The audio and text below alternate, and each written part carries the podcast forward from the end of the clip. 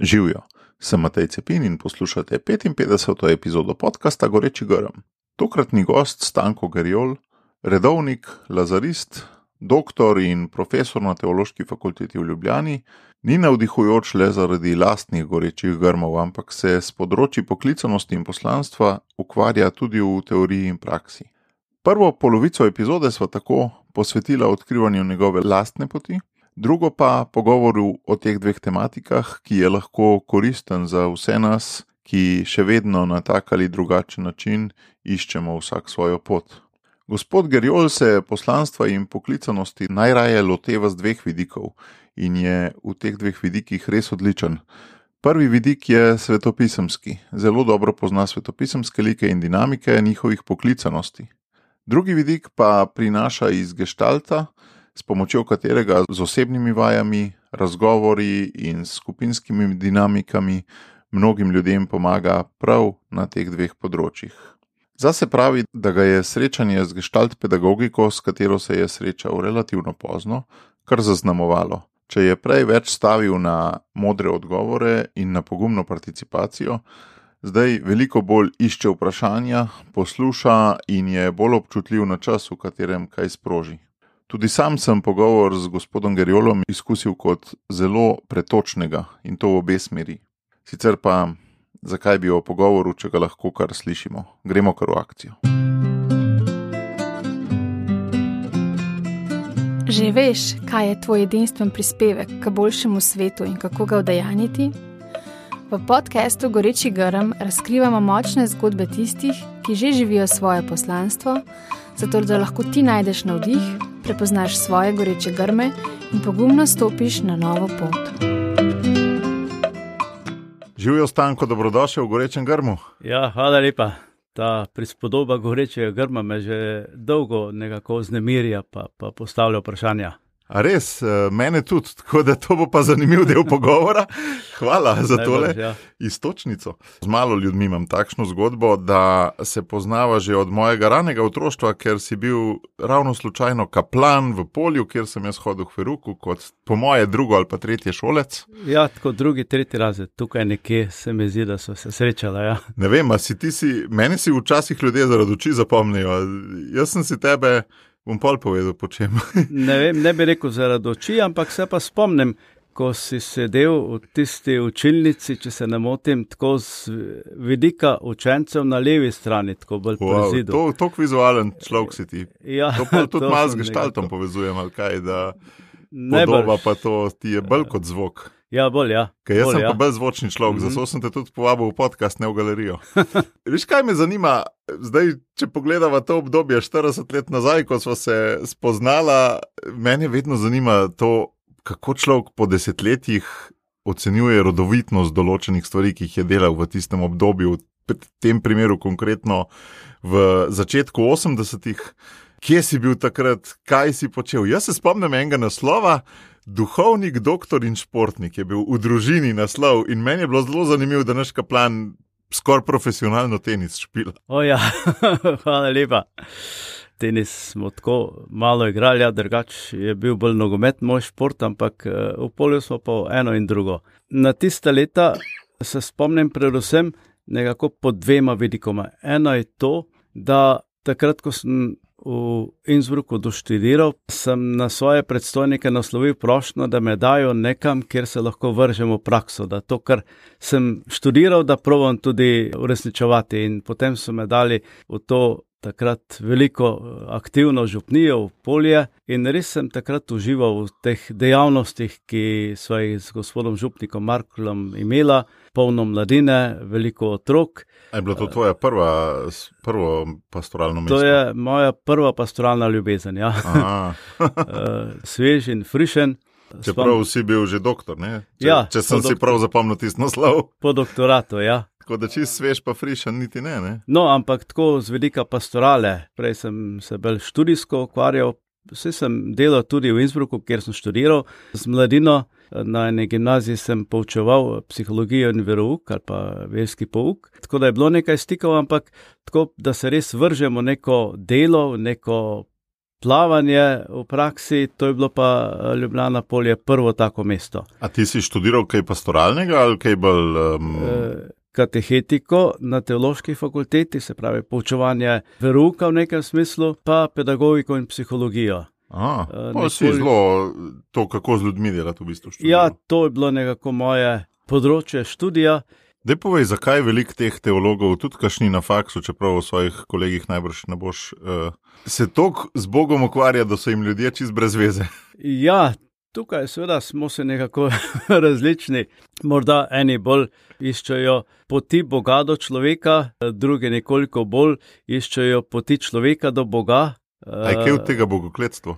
Ne bi rekel, ne? niti eno, niti oboje drugo. je v redu. Oboje je v redu. Res je, da tisti, ki iščemo nekako bolj poti človeka do Boga, da so morda bliže človeku, Ja. bolj v njegovem svetu in je z tega vidika to nekoliko lažje, skoraj da, kot poti Boga do človeka. Ampak to je približno tako kot tisto, ne vprašanje je, koliko moraš biti prvi proaktiven, koliko je pa odvisno od božje milosti. Ne? Ja, na vsak način.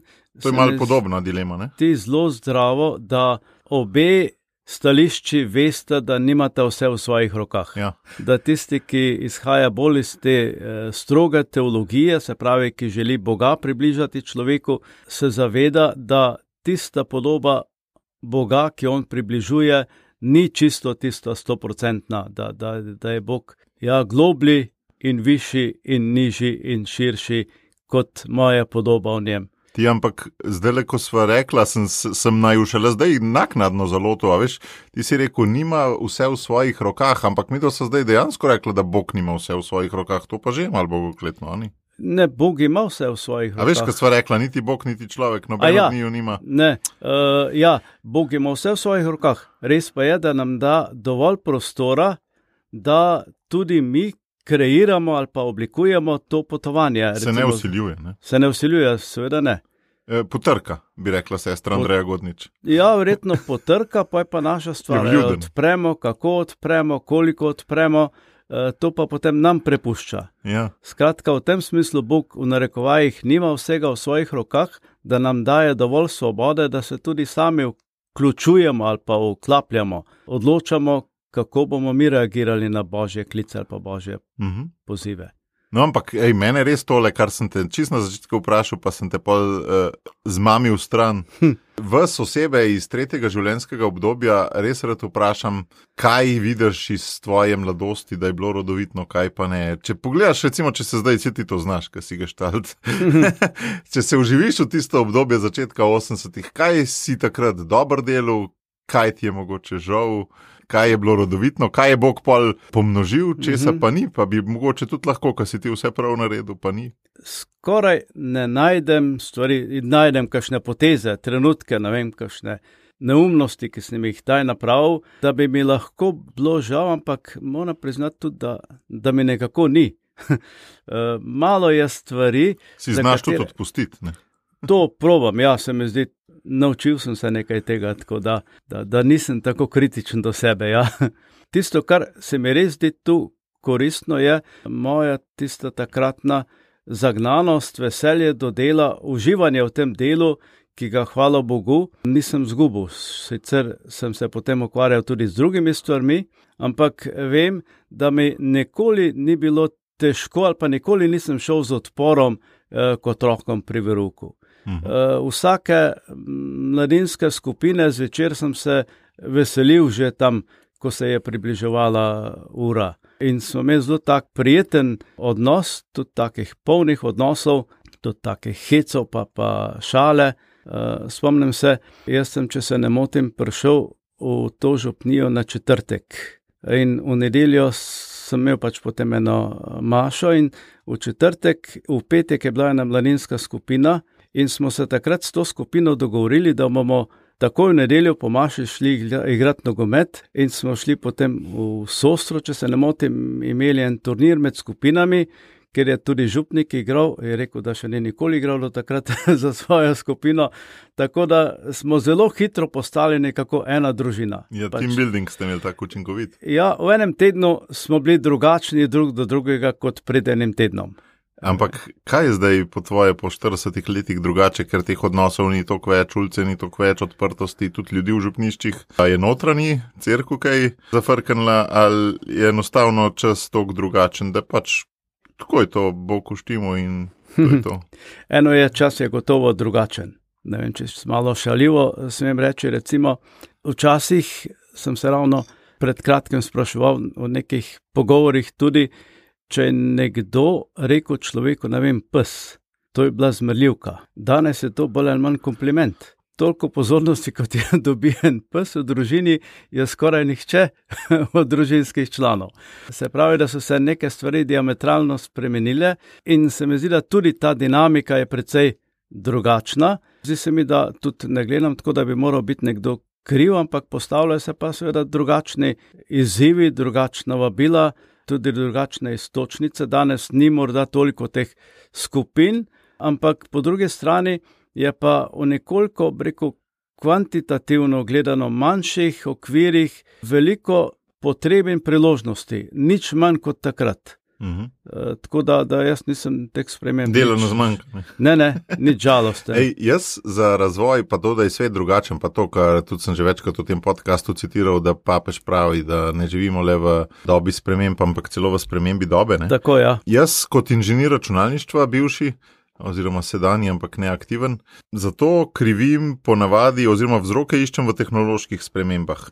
Zato, ker pač tehnologija nas prisili oziroma povabi v drugačen tip življenja, pogosto bolj lenega, tudi bolj učinkovitega včasih, ampak kje druge zmanjka pa. Uh -huh. Neč kaj dosti drugega se ni spremenil kot tehnologija, konc koncev.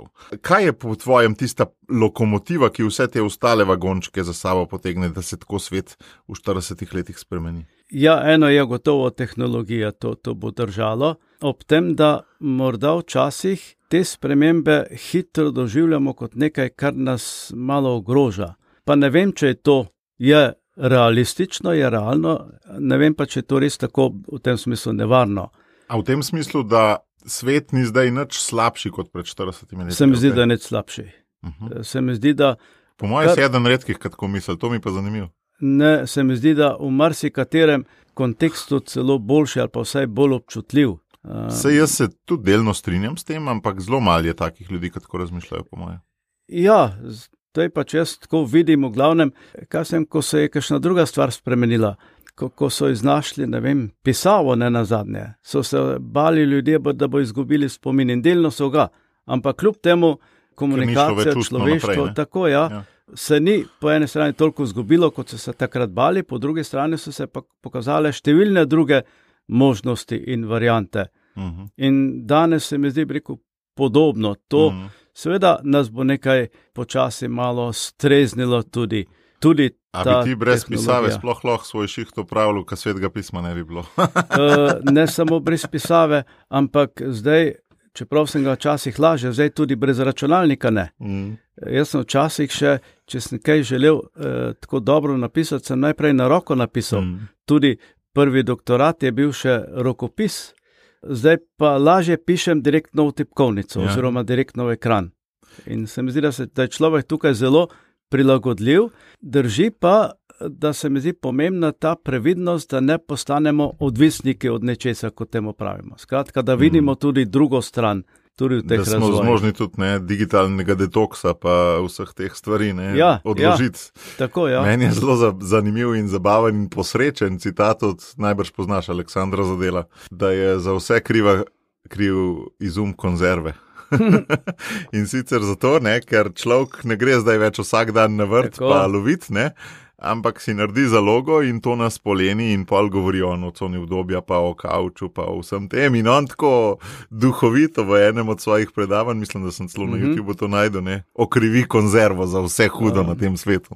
Sej dejansko je najbrž to, pa veliko tega res, hkrati pa. Pride to čas, ko tudi nekako v, v okviru teh konzerv začutimo neko ožino, neko potrebo po dodatnih spremembah. Ja.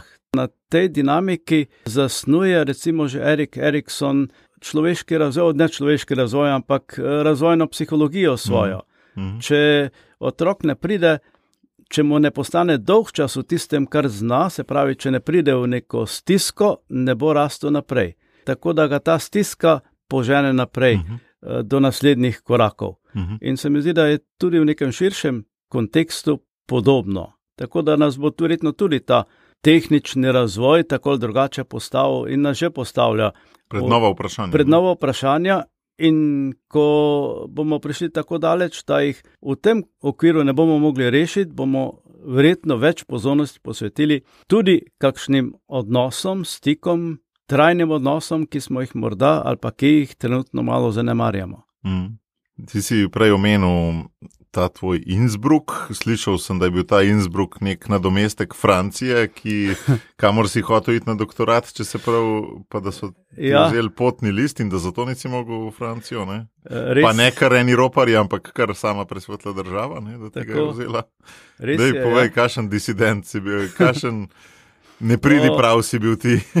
Takrat je bil še državni praznik 29. november in seveda smo se študente nekako dogovarjali, neko praznovanje je moralo biti takrat na fakulteti, je bilo predvideno. Na teološki v Na bistvu. teološki, Mm. ja, čeprav ni bila del univerze. In smo eh, enkrat na preširnovem spomeniku videli ene trakove eh, brez zvezde. In nam je padlo to na pamet, in smo seveda za to proslavo napravili eh, neko ozadje slovenske zastave brez zvezde. To je bil nek razlog, jaz sem imel že urejeno za Francijo, ampak so me potem klicali na nek zagovor in so mi vzeli potni list, tako da tisto leto nisem mogel iti iz države.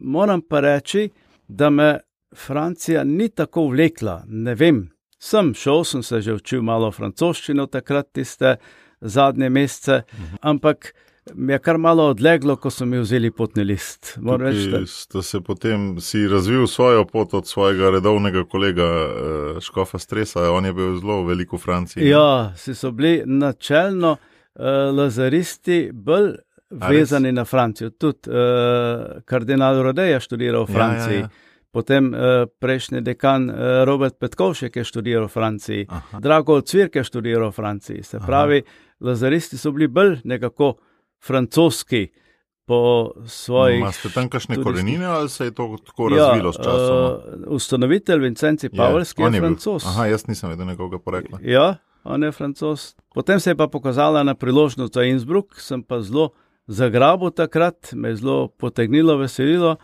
in je potem prišlo do tega, da sem v Innsbrucku študiral in priznam, da je ne toliko ta germanski, ampak avstrijski svet z vedika čutenja je bliže kot francoski. Mhm. Zdaj, marsikdo bo morda zaradi tega razočaran, ampak eh, Ja. pri meni je tako.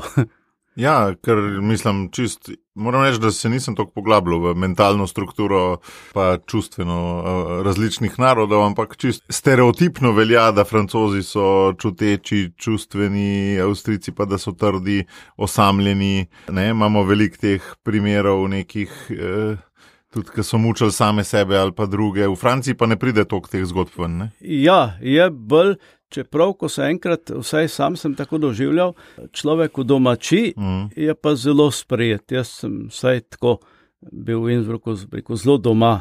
Nobene odtojenosti nisem čutil. čutil. Prav, v nekih dimenzijah so Avstrijci bolj trdi in tisto, kar Avstrijcem morda malo primankuje, zelo dobro prenese zlasti, zlasti slovenski človek. Mečken te spontanosti, ki mi manjka. Ja, uh, blizu, ja, Mm. morda ne ravno toliko eh, balkanskega, ampak nekaj tega, da se kakšne spontanosti pa nepredvidljivih stvari ne ustraši toliko. Aha, Jaz ja. Sam sem tako doživljal to. Morajo imeti vse veliko načrtovano, ne? Ja, Avstrijci imajo vse predvidevano. so bolj v levi hemisferi kot v desni. ali kaj? E, gotovo, si smo mi tudi verjetno še, Aha. ampak, ampak ne pa toliko kot oni. Pač tako na tem takem pastoralnem področju se je vsaj, kolikor sem bil takrat povezan z njim in sem nekaj let vodil tako imenovano srednješolsko mladino v Innsbrucku, nam je to vsem zelo ustrezalo, da ni bila vsaka prošnja pri maši zdaj dorečena, pa prekontrolirana, pa preverjena. To spontanost smo malo vnesli in je njim, pa tudi meni to ustrezalo. Za mnoge ljudi tistega časa, to če te prav razumem, bil kaj prelom 70-ih, pa 80-ih. Ja, eh, bolj v 80-ih letih, Aha. Aha. se pravi, 79, 80 sem jaz prišel v Innsbruck. No, tako je. To sem hotel vprašati za mnoge ljudi, ki so takrat migrirali za več let, študijsko ali pa kaj drugega. Je bilo to čist odprtje oči, da je možna drugačna družbena ureditev. A je zate ta moment, ta dimenzija bila pomembna? Ker očitno aktiven državljan si bil že tudi v Sloveniji. Ja, je bila ta, rekel, ta uvid mi je bil nov, da je to možno. Jaz se spomnim še potem, to je bilo leta, ne vem, da 87, 88, ko sem pač iz polja potem še v Innsbrucku nekaj študiral in sem bil večkrat gor. Sva z enim kolegom šla staviti, da ne bova dočakala, da bi bila Slovenija samostojna.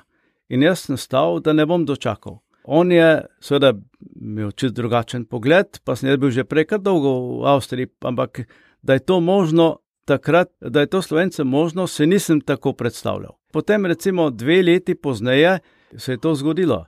Skratka, do teh sprememb se meni zdi, da ne bi tako globoko prihajal, če ne bi bil v Avstriji. Pa seveda sem takrat krepenel, potem pa tudi čutil, da je možno že, ampak ne bom rekel za šalo, ampak tako, da smo širše odpirali ta vprašanja. Uh, vem, da smo takrat nekem take, na, nekem, na neki okrogli mizi šla staviti. Ja. Ti si bil pol del te generacije, teh osamosvojiteljev, ki so v 80-ih bili v tujini, pa so prinašali te ideje noter, po drugi strani pa nisi verjel toliko v to. Zato te sprašujem, ker če si predtem že organiziral take uh Mhm. -huh. akcije, ki so bile tako sporne, da so ti pasuš vzel. Ni mi čist jasno, zdaj, si bil tak proaktiven državljan, ali si se vsem mečka nazaj držal, pa nisi to kupil. Kakšen, kakšen Zdaj, študent si bil? Ja, strah me ni bilo, rekel to je še tudi več drugih takih primerov, da bi me bilo kaj strah, nisem pa verjel, da bo šlo to tako hitro. Uh Mhm. -huh. Drži pa, da sem rad tako malo, če se mi tako reče, ne bom rekel izzival, ampak tako malo zaostril kakšno vprašanje. Uh -huh. Recimo tudi takrat pri tej stavi na eni okrogli mizi, če bi bili vsi samo za to, kako bo, bi bila debata drugačna in se je bolj izkristaliziralo, kaj vse je možno, Mm. zato ker sem jaz malo, rekel, bolj strateško zagovarjal to bolj skeptično verzijo. Pa ste se poznali recimo s temi ljudmi, kot so Lojze Petrle, Jože Strgar, s temi kristijani, ki so takrat sanjali že drugačen svet. Ja, kar s nekaterimi, ne vem, saj s peteletom smo se poznali, prej pa, pa pozneje, pa z nekaterimi drugimi. Nekaj teh stikov že v študentskih letih je bilo, zlasti na podlagi teh tako imenovanih teoloških tečajev uh Mhm. -huh. na teološki fakulteti. Mm. Enkrat sem pokojnega eh, križnika peljal pač na njegovo stanovanje, ravno iz uh, Ljubljane, ko je imel tukaj predavanje na tem teološkem tečaju, in me je en avto zasledoval skozi do Kamnika. Pa sem malo izgubil, pa je zopet prišel, to se mi je zdelo tako zanimivo, potem nazaj domov me pa ni. Uh, Mhm. ampak so oba vedela, da je to nek, neka tajna policija ali kakorkoli. Ampak je rekel, zdaj mi dva greva, nimamo nič za skrivati. Morda ne vem, mislim- kaj so mislili, kaj je bil razlog, ampak Strah te pa ni bilo tudi v tem primeru. moram reči ne. Te ne. pa kar nekako sem rad, kakšne take malo izzivalne stvari. Odkje pa imaš to urejeno, si imel to iz družine? Si, kakšen, kakšne vzgoje si bil deležen, da te ni bilo? Jaz bi tudi rad otroke na tak način vzgojil. Zdaj ne vem, če to vse. Dobro, ampak neke stabilne odnose smo gotovo imeli doma, preko čistko preprosta kmečka vzgoja. Tle Morda. sem že falil. ja, pa ni rečeno. To je gotovo dobro, da smo imeli dovolj takega življenjskega prostora. Smo imeli občutek otroci, da starši jezijo z nami in mi z njimi. E, vem Kaj tudi, sožite generacij? ja, tudi morda. Enkrat vem, da so bile neke, neke inšpekcije, kot češ, da eh, ker smo imeli kmetijo, da otroci preveč delamo doma ali nekaj takega. A ja, takrat Ja. je bilo že to. Je tema. bilo, nek, ja, je bilo nekaj. Ja. In smo imeli nekaj, pač vem, da smo nekaj vprašali, uh, so pričakovali, da bom rekel, da težko delam ali kakorkoli. In sem rekel, ne, se to rad delamo. ne." Tako da ta prostor, kjer smo se počutili zelo varno in stabilno, smo gotovo imeli. Zdi se mi tudi dobro, eh, moji starši so imeli nas pet otrok, potem so še dva posvojili in ta odprtost se mi je tudi de- zdela tako Ti je bila zgled. Mi je bila zgled, ja. To je taka dejavna krščanska ljubezen. Ne, ki... Ja, pa smo bili kar ponosni otroci pač na to potezo staršev. mm. Tudi smo se kje malo pohvalili. Pa pa tako, slišati, ja, ja. uh, tako da to zadje sem gotovo imel. Je pa tudi par takih, rekel, momentov, eh, zdaj ne vem, pač eh, morda še to prehitro za javnost, ali pa tudi ni. Uh, vem, da smo enkrat se otroci v šoli nekaj igrali, pa so bile slike tako na stenah, pač Titova slika in tako naprej, in smo metali še stila v to sliko. Pa se navadno ni zadelo, ali pa tudi ne, ampak vem, da sem jaz enkrat tita ravno v nos zadev in je še stil gor ostal. In je ravno razredničarka prišla in sem dobil potem tisto kor ali kakorkoli, ampak sem se malo bal, kaj bo potem doma, ampak je bil to eno kor, ko ni bilo nič tako groznega. ja, ja. Uh, takrat se mi je zdelo pač en moment, ko si lahko privoščim marsikaj, kar si kdo drug morda ne sme, pa ne bo nič hudega. Ne? To, evo, zdaj prihajava do teh tvojih. uh, zakaj te ni bilo strah? Ne? Ja, uh, Res si imel postavljene starše. Ne? to, Tako- ja, ja, to gotovo. Ja. Reko nedvomno, čeprav niso bili zdaj, niso študirali niti neke pedagogike, kakorkoli, ampak veliko te pozitivne vzgoje, veliko krat, če smo imeli kaj za narediti, smo ali pa za delati. Smo dobili toliko nalog, da smo jih z lahkoto opravili. In potem, seveda, če smo pa kaj več od tega, je bila pa naša ustvarjalnost. In uh -huh. na Mhm. tistem je pravzaprav slonela potem komunikacija. Lepo. To, fajn, ja. Eh, Ej, omenil si že kar nekaj gorečih grmov in to sem začutil potem, da so bili to dogodki, ki si se jih res podrobno spomnil. Ne? Ta ukor si omenil, potem si omenil to zastavo brez uh, zvezde, potem Innsbruck si omenil, ampak gotovo so še kakšni večji. Kaj, če bi jih neki naštel, pa kam so te klicali, ti goreči grmi, da so te definirali v duhovnika, najbrž tukaj je moglo biti kar nekaj gorečih grmov. a Ne? Ja, Pa v Lazarista, kako ravno v Lazarista, oh. kakšen je bil ta goreči grm. ta je bil bolj mehen. en tak, eh, reko, močan moment, tam nekje, ali je bilo to že v 8. razredu ali eno leto prej, se meni zdi, pač v zadnjem raz- razredu osnovne šole, smo imeli nekaj teste, take socialne in smo morali napisati, kaj, napisati, kaj kdo želi postati. In smo se eni fanti tam malo hecali. Pa je en napisal, vem, da medicinska sestra. Pa, pa jaz sem rekel, isto ne bom, sem pa napisal frizerka. Pa, pa učiteljica rekla, da resno napiši, prav to je resna stvar. In sem potem razmišljal, pa je pa en kolega zraven napisal, duhovnik se meni zdi. Jaz sem rekel, jem pa tudi. In uh, sem to napisal, pa nisem takrat tako resno razmišljal, ampak ni pa bila to čisto tuja, Spet en goreči grm. Ne? Ja. Ja. Ta zga minimalnega dogodka tako dobro spomniš. ne? tuja ideja, ni, ni bila. Ja. Sem pa potem nekoliko bolj zares vzel to idejo, ker se je okolje, zlasti pač v šoli, ker je to tako zares vzelo. In so mi takrat poslali ne vem koliko možnosti za razne šole, kaj bi lahko bil, če ne grem v to smer, v gimnazijo ali kakorkoli, ker je takrat Odvrniti so bilo. Ja, ja, to me je pa bolj okrepilo. O, niso In, eh, poznali te dinamike pubertetnika. Morda, pa tudi sicer, rekel, s tem kolegom so se bila precej blizu, so se veliko pogovarjala.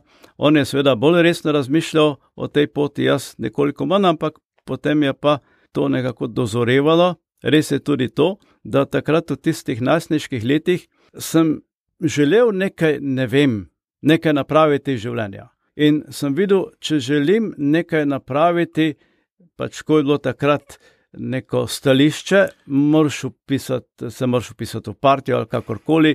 Jaz pa tega nisem hotel, pa sem pa crkvo videl kot edi- edino alternativo, že tako v najstniških letih.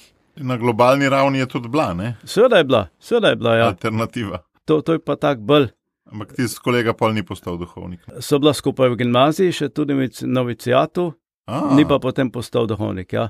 No, kaj pa za redovništvo? To je pa pri nas so imeli lazaristi misijon enkrat, gor črni vrh nad Pohojem, Gradcem. In so, se- seveda so nekaj vprašali, če je kakšen tak kandidat, pa je takratni župnik rekel, da so dva. Pa se je potem ta misionar tudi pri nas eh, ustal, pa potem smo šli kdaj na kakšne duhovne vaje. Mislim, da sem bil enkrat na Menenskem gradu takrat in je bila ta dispozicija, da potem greva s tem kolegom tudi v gimnazijo, tako bolj nekje v Sloveniji, v Ljubljani, pa jaz sem imel vedno v ozadju, da bom šel v gimnazijo, ampak me bolj škofijska smer ali pa škofijska duhovnika, eh, ta lik me bolj privlačil. Sem rekel, nekaj župnik, pa fajn delo, pa tako. Pastoralno delo me je vleklo, zlasti delo z mladimi. In uh, ko sva šla v Ljubljano, tako da bi na nek način začela gimnazijo, sva šla že mimo majstrove, potem na jo je pa en gospod, zdaj že pokojni pust, videl, da gremo naprej in je mislil, da ne veva, kje, kje se gre, so šla k svetemu Petru, so hotela tam se prijaviti. Je rekel, ne, ne, tukaj smo mi doma. Pa je pa obrnil in so šla na majstrovo k lazaristom, ob tem, da smo potem šla na te spremne izpite za gimnazijo, pa nismo nadila, potem na jo je pa sedajni upokojeni načkov stres peljal v Zagreb, rekel, da je tudi na možnost in so potem bila v Zagrebu v gimnaziji. Nekako so šla dol tako kot bajagi za eno leto, potem pa greva v Slovenijo, ampak so potem kar dol ostala, nam je zelo ustrezala. Zanimivo, ampak pol je bil najbrž še vsem, da si ti to racionaliziral, zakaj ravno Vincenzi iz Pavelski te nagovarja. Pa ali, ali ne. Mislim, tako čuden se mi zdi, da cel novicijat mm -hmm. imaš pol časa, da res svojo barvo duhovnosti prepoznaš. Pa. Ja, potem me je pa ta uh, lik Vincencija vedno bolj nagovarjal. Aha. In se mi je zdelo prvič, da veliko tega, kar mi je predstavljalo neki dal, pa ne samo to socialno področje, ampak uh, iskati stike. Kot so takrat rekli, z obrobnimi, ne samo obrobnimi, preko zvedika vere, kristijani, ampak tudi s tistimi ljudmi, ki nekako težko pridejo v življenju do, do neke stabilnosti, do, do naravnega, varnega prostora. To me je privlačilo in sem potem, že v novicijatu, pa tudi potem še čutil, da lahko več tega uresničim pri lazaristih kot nekako. Ja, to me bo potem prepričalo. A smo zdaj že malo pri tvojem poslanstvu, tako ga čutim, da si ga zdaj izrazil zelo. Aj to jedro mislim, eno od jedr tega tvojega, se pravi, iskati stike z nekimi mejnimi področji ali med področji ali med ljudmi. Ali... Nekako občutek za človeka v stiski, ta občutek sem imel že, ne vem, ga imam v sebi. Ja. Tukaj sem vedno čutil, da lahko nekaj napravim na tem področju, tudi me je to veselilo. Po drugi strani eh, sem tudi s tem namenom nekako pač, ko sem študiral teologijo, se mi je zdelo, da samo teologija ni tista moja pot, kjer bi lahko dal vse in rabim še nekaj več tega antropološkega, uh, človeškega vedenja. Zato sem upisal tudi. Kar smo začeli, ne boga človeka tako, ali človeka Boga. Tako, ja. Zato sem upisal potem tudi ta študij pedagogike in psihologije, uh mhm. -huh. ob tem, da sem imel tudi malo sreče, ker uh, takrat, ko sem jaz to opisoval, je bil ta študij za tujce v Avstriji še zaprt, Aha. ampak sem najdel eno pot, sem se prijavil na neko sodelovanje, na nek otroški kamp, prav za uh, otroke, ki so prihajali iz težkih razmer. Aha. In sem potem tam sodeloval kot vzgojitelj. In potem je tisti voditelj tega kampa napisal zelo dobro priporočilo, tako da na podlagi tega priporočila sem še lahko, sem šele lahko opisal pedagogiko. Imel si to v sebi. Ne? Ja. A to zdaj še kaj čutiš, da imaš to v sebi, recimo, kako se to danes kaže? Ja, čutim. Uh, se danes, recimo, se predvsem ukvarjam s, pač tudi z zakonskim in družinskim svetovanjem, ker tudi prihajamo v stik z ljudmi, ki so tako drugače neki bolj, na nekih bolj kriznih točkah. V stiskah, ja. ja. Spet tisto, kar prav papež, ne, da ni idealnih družin, so samo realne ne, in ja, s to ja. realnostjo ja. znaš e, živeti. Ne. Me tudi nekako hrani. Nimam občutka, da se tukaj. Kaj te hrani, stisk? Ne, razumel, to delo. Stiske, ali, aha, pomoč. To, to delo, vidiš, ja. ja. Nimam občutka, da se kaj žrtvujem. Ali pa da te, da te kuri. Uh, to drži če bi se jaz profesionalno ukvarjal s tem, to bi rekel, da, da bi lahko bilo preveč za me. Ena definicija poslanstva je ravno to, in zato tudi pravi, da je dobro pogledati tiste tvoje otroške igre, ki si se jih ure in ure rad igral. Uh mhm. -huh. Da poslanstvo je nekaj, kar ti lahko delaš praktično.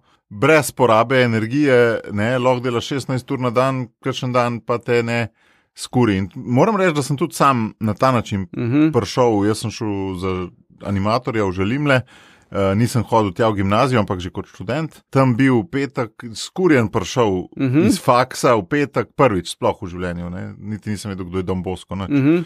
Petek, sobota, nedelja, spali smo v 6 ur, v Benoči skup, pridemo v nedeljo čist prerojen. Domov, ne? Ja, ja. To je v bistvu takrat sem jaz začel čutiti, da je delo z mladimi nekaj, kar ne, moj, moj energet, mojo energetsko bilanco ne kuri preveč. Ne?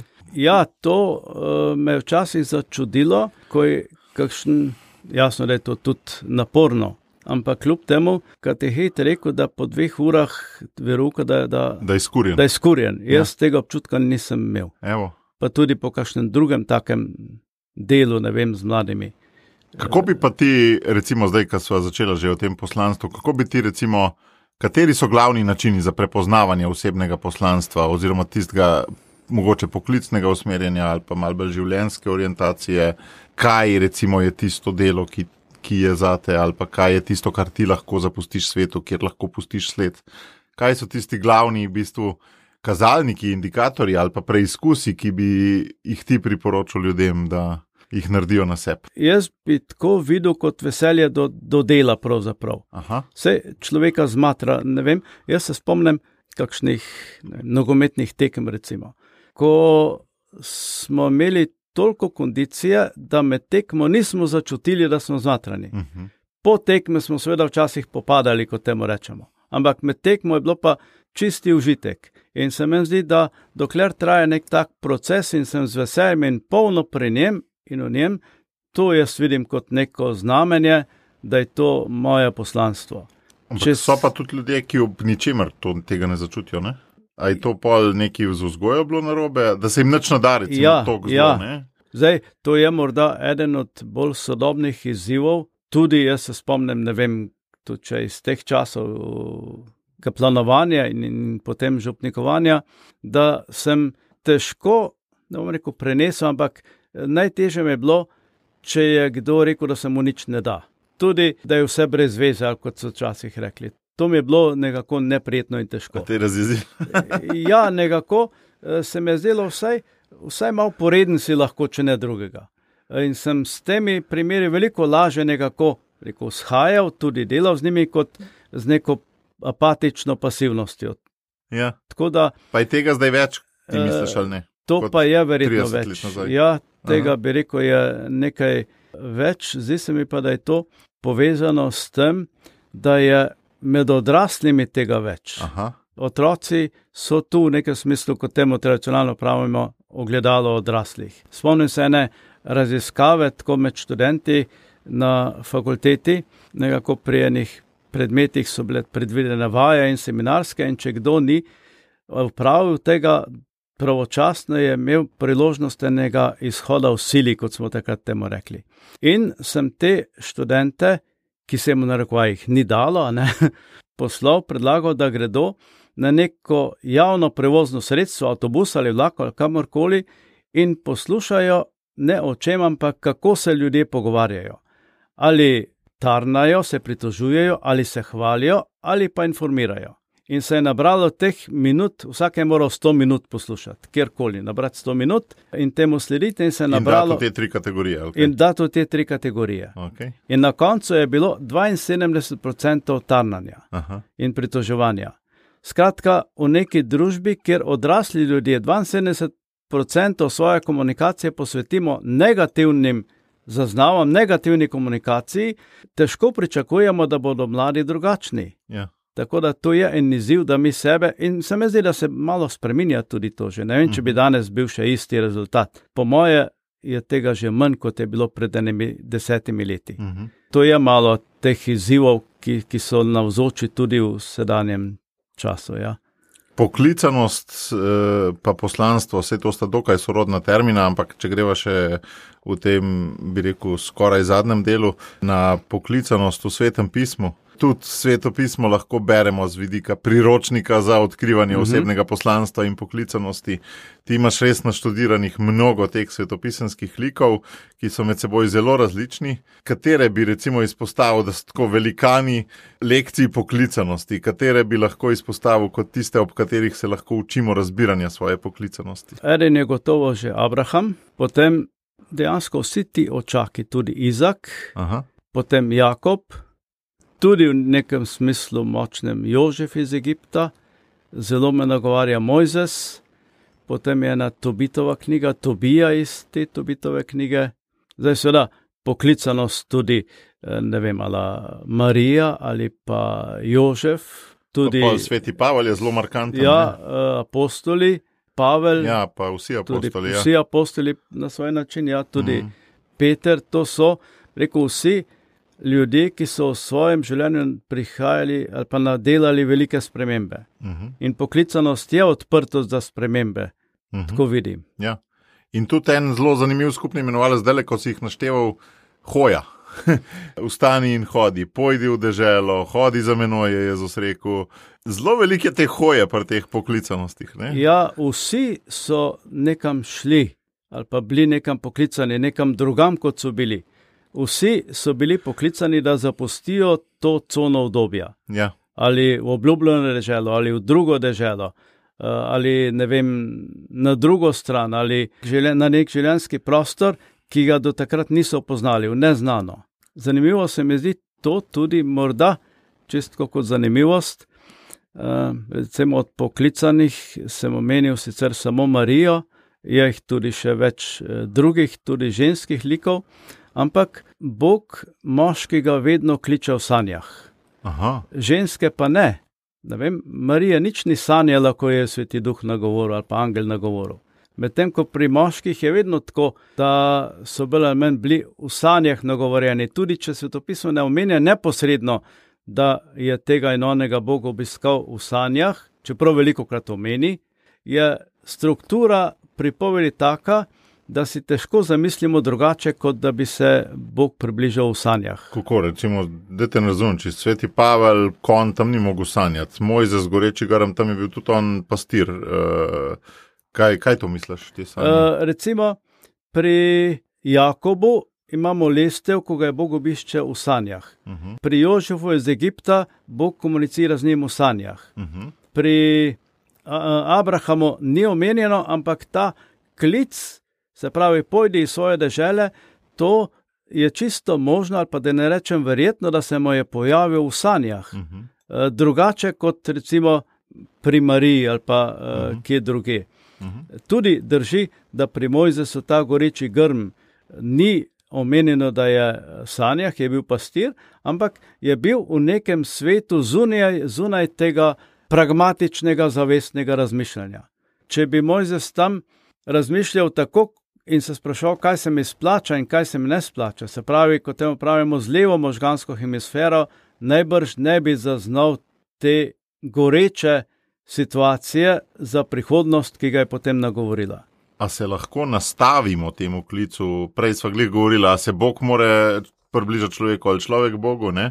A moramo več sanjati, ali moramo iti na neke kraje, ali kaj bi bil napotek iz tega. A se sploh to da, Boga, tako le v škatlico, pa v algoritem dati? Jaz bi rekel, da se ga ne da. Tisto, kar človek lahko naredi, je pa, da, vzam, da izstopi iz svojih načrtov Aha. in iz, svojih tega, iz te logike, kaj se mi splača in kaj se mi ne splača.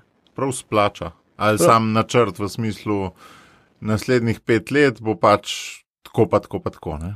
Ne Uh, vem, a veš, recimo, primer, veliko poslušalcev je družinskih očetov. Ne? Biti oče se racionalno gledano ne splača, to te Ja, samo košta, ja, se ja, odpoveduješ, odmiraš, a ne? tako je. ali pa mater. Ne, ne razmišljajo zdaj le za naslednjih pet let, kaj se jim splača najbrž. Če razmišljajo, potem se s tem zapirajo. Okay. In seveda, biti oče je že neka odprtost. Je že sad poklic. Je že sad poklicanosti. Ne na zadnje, imamo že pri stvarjanju Eve. Bog je, Mojzes, je Adamu poslal globoko spanje, se Mhm. pravi, ga je moral izklopiti iz svojih načrtov, Uh -huh, uh -huh. iz tega spraševanja, kaj se mu splača, pa kaj se mu ne Mhm. splača. In seveda tukaj se človek odpira in to, da se odklapljamo od svojih preko nekih ožjih načrtov, to se mi zdi tisto, kar človek lahko naredi in tudi mora narediti, da se odpre nekim vizijam, neki poklicanosti. A lahko daš en primer, kako recimo oseba, ki pač hodi v službo, ima dva otroka, zdaj le načrtuje, ne zdaj le še ne, ampak po zimi načrtuje nekaj do pet dni smutanja, polet tri dni dopusta, vmes so še rojstni dnevi, pa sorodniki, pa kakšna birma, pa neki. Kaj zdaj recimo bi za tako osebo pomenil zapustiti te načrte?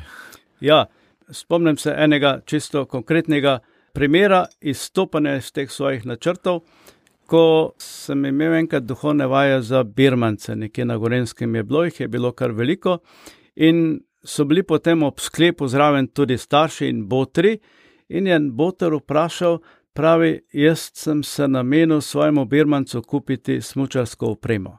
In ne vem, so se v pogovoru potem dotaknila možnosti, se mi je zdelo, da sem rekel, da ti pusti to njegovo staro opremo, pa pojdi z njim en teden smučati.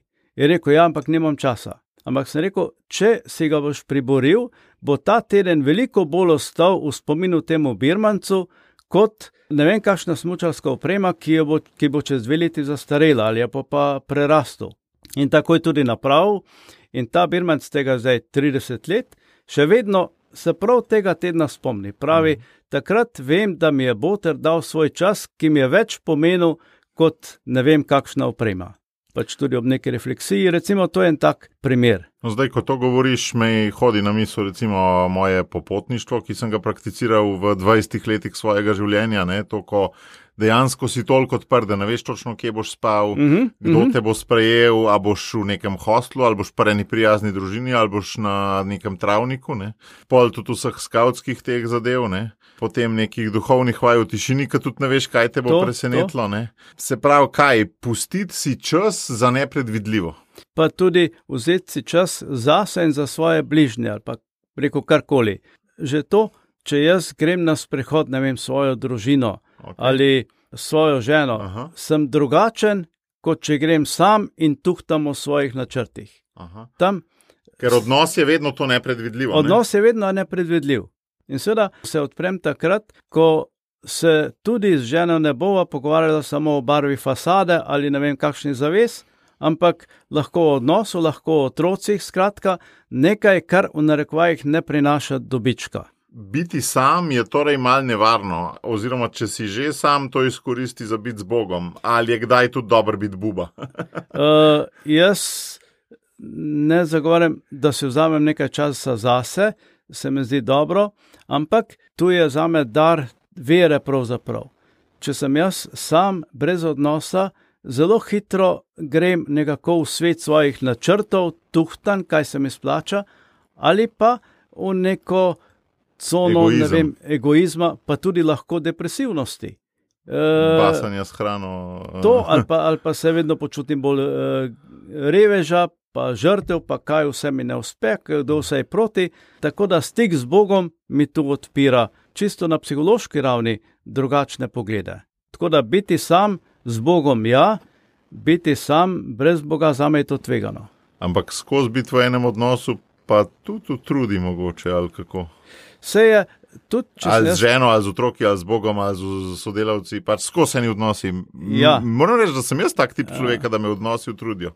Če sem jaz v stiku z Bogom, ali pa ženo, ali pa z otroki, potem je to drži čisto koristno biti tudi sam, brez teh odnosov, biti sam s seboj. Uh mhm. -huh. Ampak, če pa jaz teh odnosov nimam, potem je pa, rekel, potem je pa tvegano. Ja? Uh mhm. -huh. Če jaz nimam nekega sveta odnosov, če imam samo službo, samo sebe pa službo, potem je to za me. V bistvu ustvarci svet. Ne, tako, uh, ne, tako? ne biti vsak trenutek, ampak ustvarci svet. Pa čitu neko skupino, hobi skupino ali pa karkoli. Povezati se s sosedi ali nekaj. Ne? Pač v nekih odnosih, tudi v nekih odnosih moram biti, da mm. sem lahko potem tudi sam v odnosu s seboj. In to me pa odpira za nepredvidljivo. Me... Kaj pa zdaj te poplave, ki so bile zelo nepredvidljive, a si opazil kakšno poklicanost skozi ta zelo grozen dogodek? Ne? Ker v bistvu nepredvidljivost je bila velika. Ne? Ja, meni se zdi, da če smem tako reči.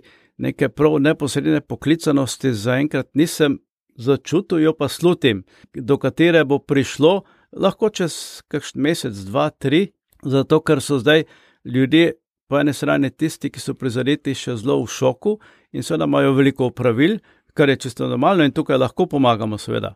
Ampak tako, z nekega vidika doživljanja pa navadno pride rekel, za nesrečo, za tako katastrofo. In tukaj, potem, tukaj pa vidim poklicanost in se tudi že zdaj načrtujem nekaj časa za take vem, klice pa pogovore. Wow. Ker gotovo bodo. Tako je bilo po, po koroni, če se jim tako reče. In med njo. In med njo, ja. Sem se vzel tudi kot kompliment, eh, pa priznanje, ko so me pokličali, poklicali v eno tako eh, NJZ-jevo skupino za psihološko podporo.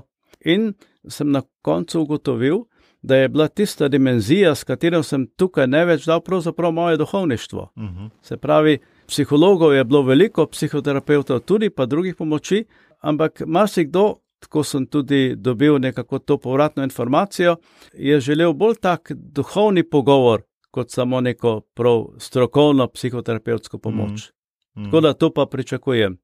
Ej, kaj pa te, kar smo prej govorili, biti sam, da to ni tako zdravo, če je preveč tega? Pri tem gestaltu delate pa veliko vaj, ki jih človek dela sam, najbrž ali ne recimo, ne vem, risanje svoje življenjske poti ali pa neka taka močna vprašanja v smislu, kaj bi želel, da si vnuki o meni mislijo. Ker ta gestalt, če prav razumem, je, da vzreš samega sebe na en drugačen način prek te podobe, ki jo sam. Kaj, ki jo v komunikaciji ali sam narišeš, zgradiš ali kaj. Ja, odkrivanje podobe o sebi ali pa svoje lastne ja? podobe. To, drži, to so različne kaj, pristopi, tehnike, metode različne tehnike, različne pristope, metode, veliko recimo risanja, tudi delo z glinami, recimo, potem so taki sociogrami z raznimi predmeti, tudi delo s telesom, izkustvene igre ali pa gibanje. Vendar drži tudi to, da se vedno zaključi z neko podelitvijo. Nihče ne ostane sam v neki svoji situaciji, ampak vedno podeli to skupino. In tudi tukaj jaz vidim, rekel, dar vere, za razliko od nekih profanih pristopov, se tu vedno zaključi z neko odprtostjo do Boga. Ali je to molitev, ali je to religiozna pesem, ali so to želje oziroma prošnje. Vedno se cel proces potem zaključi z, z mašo, tako da drži, da je to delo na sebi, ampak se vedno izteče v neko zaznavo lastnih resursov, ki jih ima vsak, in s podelitvijo na antropološki ravni, pa tudi tako na, na, na transcendentni. Mm. Zakaj pa je odkrivanje te lastne podobe sploh smiselno, saj jaz slutim, pa tudi praktično je cel podcast tale. Temu namenjeno, ne, da človek svoje, recimo, goreče grme prepozna iz preteklosti, in tako naprej. Ampak kako bi ti to v besedo, zakaj je to odkrivanje lastne podobe tako pomembno? Lastna podoba nisem samo jaz tu in sedaj, oziroma okolikor sem, potem pogledam, kaj me določa, da sem jaz tu in sedaj takšen, kot sem. In nekako v tem smislu je vsak človek tak, da nosi v sebi vsaj tri, štiri ali celo pet generacij. Se pravi, jaz sem pač človek, ki gre ta, ta proces, je vedno nekako zastopnik tretje generacije v sebi nosi starše in v sebi nosi stare starše. To je približno tako, če dam prispodobo, kot če jaz gradim hišo, pa je treba vem, napeljati vodo po hiši. Jaz odločam o tem, kakšna bo napeljava. Zdaj, voda mora od nekje, od nekje priti in ta vodnjak, če se mi tako reče, ali e, rezervoar, kakorkoli, to predstavljajo moji starši ti me hranijo. To, tega ne odločam jaz, to tega ne dano, odločam jaz, to mi je dano. Mm. Seveda, tudi v ta vodnjak mora od nekje voda priti, in to so pa vloge starih staršev.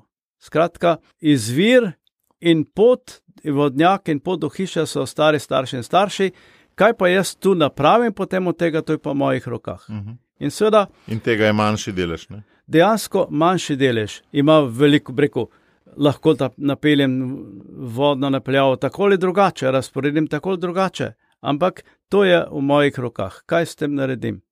Seveda, zdaj pa odvisno od tega tudi, vem, če nismo poročeni, ampak kljub temu želimo, da od te vode nekaj dobi še nekdo drug kot samo jaz.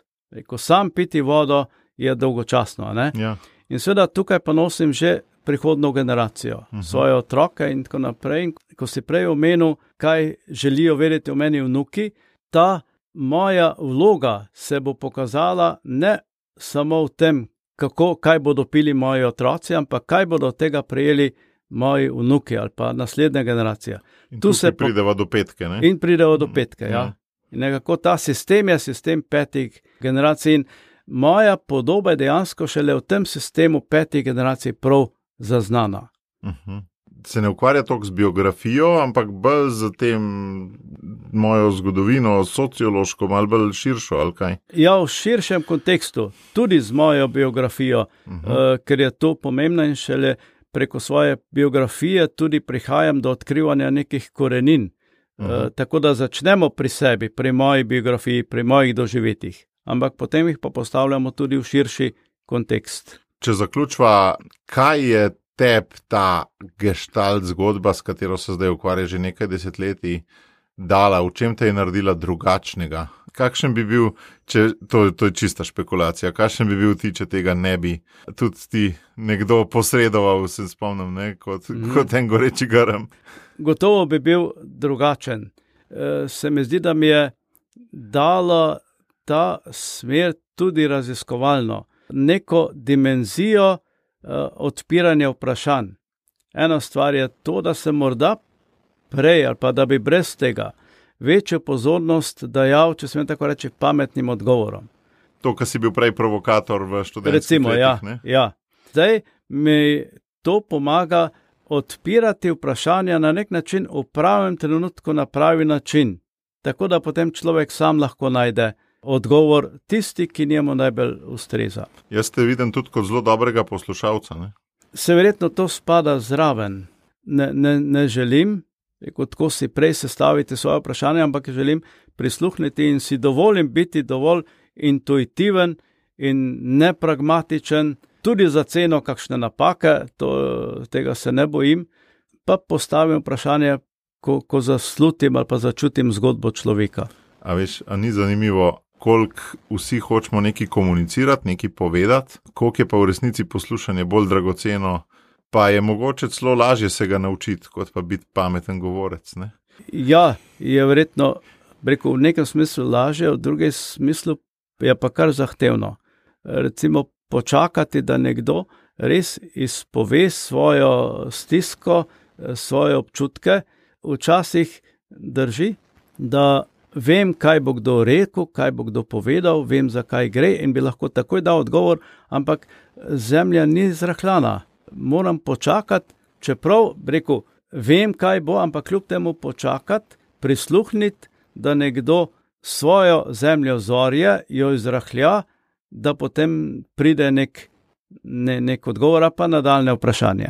Naslednje vprašanje. In to poslušanje je pravzaprav tudi tisto, kar so prej govorili, odpiranje božjemu klicu. ne? Odpovedati se lastnim načrtom, ker ti ja. Veš, kako se bo tisti stekel, kar bo on rekel. Tako? In se že, tako kot so prej uni sprehodi bili, Mhm. mm -hmm. si že v odnosu, si že v negotovosti, ja. Si že v novi deželi, v neznanem. Ne? Uh -huh. In drži tudi, marsikdaj se pa izteče drugače, kot sem sam pričakoval. Ja. Tudi to, tudi to se dogaja, ali pa hvala Bogu, se dogaja. Ja? In sem ti res hvaležen za to držo, ker eh, moram reči, se nisva veliko krat v življenju videla in vedno samo bežno, nikoli nisva šla najbrž v tako globok, ne, zagotovo nikoli nisva šla v tako globok pogovor kot danes, ampak skozi vsa ta leta sem te vohal kot dobrega poslušalca, čeprav nisem imel neposrednega izkustva. ja, tako je. In moram reči, da pač v tej svoji vlogi mi je lepo. In meni je bilo tudi zelo lepo tebe poslušati, danes upam, da ti nisem preveč prekinil. Hvala, da si si vzel čas in morda še kdaj. Ja, z veseljem. Hvala lepa, hvala tudi za to priložnost.